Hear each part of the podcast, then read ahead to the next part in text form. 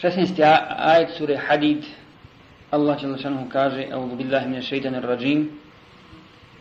ألم يأن للذين آمنوا أن تخشى قلوبهم لذكر الله وما نزل من الحق ولا يكونوا كالذين أوتوا الكتاب من قبل فطال عليهم الأمد فقست قلوبهم وكثير منهم فاسقون Zar nije vrijeme da se, da se vjernicima srca smekšaju? Zar nije vrijeme da se vjernicima srca smekšaju kad se Allah i njegova istina koja se objavljuje spomenu? Allah upozorava mu'mine. Zar nije došlo vrijeme, došla je istina, objavljena je, da kad se spomene Allah i njegova veličina, a vjernici su spoznali svoga gospodara preko Resula sallallahu alaihi wa sallam, da im se srca strahom ispune i da im se omekšaju kad se spomene Allah Đalešanu i kad se spomene i kad im se govori o objavi koja dolazi, kad im se citiraju ajeti iz Kur'ana, subhanallah, Allah dalje nastavlja i kaže i da ne budu kao oni prije njih od ahlul kitaba. Ahlul kitab su jehudije, odnosno židovi i kršćani. Što da ne budu kao oni? Koji su nakon što je prošlo dugo vremena, srca su im postala nemilosrdna, gruba. Zbog čega?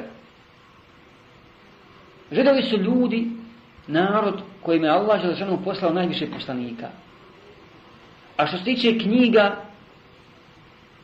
zadnja objava koju su dobili je mu, e, Tevrat objavljen ispušten Musa a.s. I oni su znali te propise. I znali su što je vjera. I znali su što je šerijat, što je Allahov zakon. Pošto je prošlo izvjesno vrijeme, onoliko koliko je to Allah htio, dolazi Isa a.s. kao poslanik Jesu ga priznali, iako su znali da sve to srca ugrubila, srca nemilosrda. Ne samo da ga nisu priznali, nego se bori protiv njega i kažu lažov, čarobnjak, sihirbaz i tako dalje. I izazvali su na taj način Allahovu srđbu. Pa i Allah kaznio i na Dunjaluku i na Ahiretu im obećao vječni džehennem. A oni koji su bili proganjani od tih židova, na čelu sa Isa a.s. i poslije njega, koji su ostali mu vahidi, koji su ostali na istini s kojim je došao Isa a.s. a njemu je bio objavljen Inđil, dakle kršćani, kad je došao proteklo izvjesno vrijeme i došao posljednji poslanik Muhammed sallallahu alaihi wa sallam, a oni ga kod sebe kaže Allah imaju zapisanog i znaju ga kao što svoje sinove znaju a to je vrhunac poznavanja. Koga insan najviše poznaje? Onoga koje je stalno s njim. Najviše poznaje svoje dijete, svog sina. A oni znaju Muhammeda sallallahu sallam kao svoje sinove, toliko ga je Allah tako lijepo opisao u Inđilu. I Isa alaihi sallam toliko govorio o posljednjem poslaniku. I kad je došao, a rekli su isto što su rekli židovi, kad je došao Isa alaihi sallam. I nisu ga priznali. Srca ogrubila, bore se protiv njega. Smatraju istinu lažim, a laž istinom. I izazvali su isto tako srđbu Allaha i Allah je kaznio.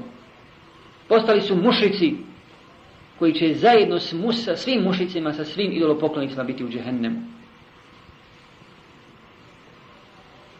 I danas muslimani koji ima najviše na zemaljskoj kugli koji imaju, ne kao židovi kršćani, koji imaju sačuvanu Allahovu riječ, originalnu. Imaju Kur'an, imaju hadis i praksu Resula sallallahu alaihi ve sellem, sačuvanu knjigama. Ali zar je ima u srcima? Koliko ima Allahove knjige u srcima? Koliko ima praksi Resula sellem u srcima i našim životima? Zar naša srca nisu ogrubila?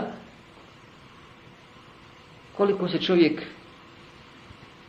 koliko mekša srce i koliko se boji kad, kaže, kad, kad mu se kaže boj se Allah, kad se spomene Allah